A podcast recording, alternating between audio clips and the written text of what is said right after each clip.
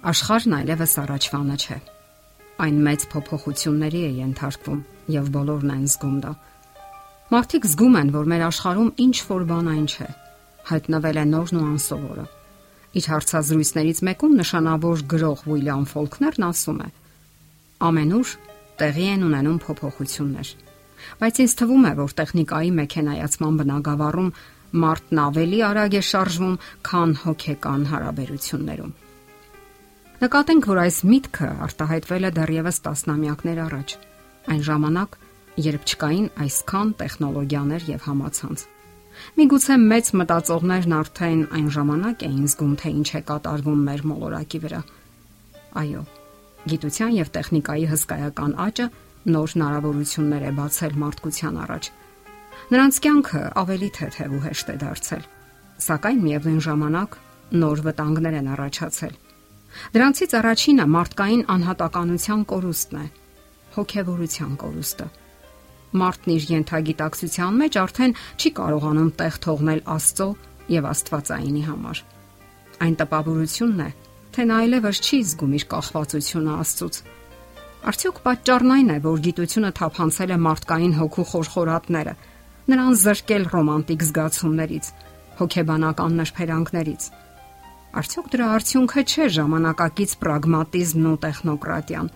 կանոնակարգված, եթե ոչ հաշվարկված հույզերը, զգացմունքային աշխարհը։ Նույնիսկ այսպիսի արտահայտություն է շրջանառվում Homo sapiens բանական մարդ։ Նոր հասկացություններ ու երևույթներ են իհայտ գալիս։ Թվային տեխնոլոգիաները մարդու կենցաղի անբաժանելի մասն են դարձել։ Բջջային հեռախոսը մարդկային մարմնի մի մասն է վիրտուալ դաշտ արտահայտությամբ անգամ դպրոցականներին չես զարմացնի այսօր։ Համացանցը կամ ինտերնետը համարյա անսահմանափակ իշխանություն ունի մարդու վրա։ Հարց է, թե ով ում է հնազանդեցնում՝ մարդը համակարգչին, թե հակառակը։ Սոցիալական ցանցերը թվում է միաբանում են մարդկանց, իսկ իրականում զրկում են նախաձեռնությունից, ուղղորդում նախանշված ճանապարհով աղքատացնում հուզական աշխարհը, ջնջելով ժամանակի ու տարածության սահմանները կիբեր տարածքում։ Ահա թե ինչու Homo sapiens արտահայտությունը այսօր փոխարինելու է գալիս Homo Kuber կամ կիբերնետիկական մարդ արտահայտությունը։ Մարդը սկսել է դառնալ իր իսկ ստեղծած վիրտուալ դաշտի զոհը։ Ինտերնետը կամ համացանցը անսահման իշխանությամբ է օժտել մարդուն սլանալու տեղեկատվական հսկայական ոլորտներում։ Ստեղծվել է մշակութային նոր մոդել, նոր իրավիճակ, ինչը նոր մոտեցումներ է պահանջում մարդուց։ Խաշխլվում են մարդկային ավանդական փոխհարաբերությունները, որոնց փոխարինում են նորերը, այլ արժե համակարգով։ Գիտության եւ արվեստի սերտաճման հետաքրքիր խառնուրդներ են առաջ գալիս, որոնք փոխլրացնում են միմյանց։ Այսօր մեկն առանց մյուսի ինչ որ չափով թերի է Նրանք սնվում են միմյանցից, հարստացնում իրար։ Ինչպես ասում են, տրամաբանությունն ու սիրտը այսօր քայլում են ձեռք-ձեռքի։ Վերոհիշյալ հարցազրույցում իր մտեցումն է առաջարկում Նոբելյան մրցանակակիր Ֆոլքները։ Ես այնքան էլ չեմ հավատում բանականությանը։ Սրտից չես խափի։ Բանականությունը վաղ թե ուշ կխափի, փորձանքի մեջ կգցի, իսկ սիրտը ոչ։ Խնդիրն այն է, որ այս յուրատեսակ բախման արդյունքում կարող են դուժել բարոյականության ավանդական չափանիշները, լղոզվել շատ ու շատ պատկերացումների սահմաններ։ Նշանավոր ֆիզիկոս տեսաբան Ֆայնբերգը գրում է.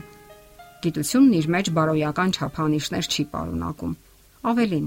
գիտության հրապույրը իր հետևից բերում է տրամաբանական մտածողության ֆետիշացում իսկ դա կարող է հանգեցնել բարոյական տարրերի նկատմամբ արհամարանքի։ Կարևոր է սակայն, որ դա չի հակասում այդ համակարգին եւ կարող է համադրվել գիտությանը։ Շարունակում է գիտնականը։ Դեռևս անցյալ դարի վերջերին ձայներ էին հնչում հերոստատեսության դեմ, թե ինչ բացասական ազդեցություն է թողնում այն մարդկանց, հատկապես երեխաների վրա։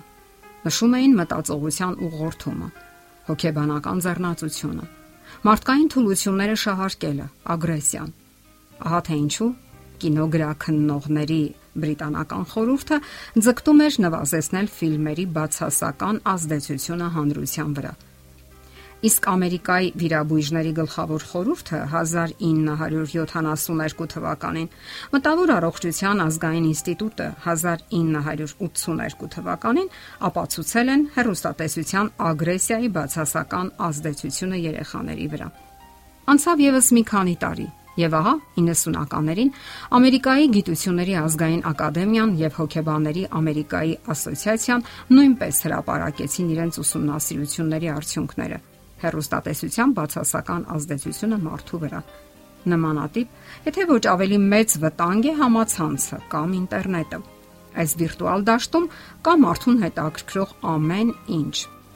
Այդ ամենից մեզ բաժանում է ընդամենը մատի 1 աննշան շարժում։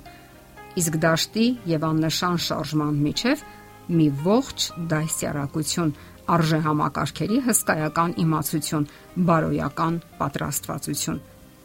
Իսկ թե ինչպես դիմագրավել այդ ամեն հեղեղին, կխոսենք մեր հետագա հաղորդումների ընթացքում։ Եթերում է ղողանջ հավերժության հաղորդաշարը։ Ձեզ հետ է Գեղեցիկ Մարտիրոսյանը։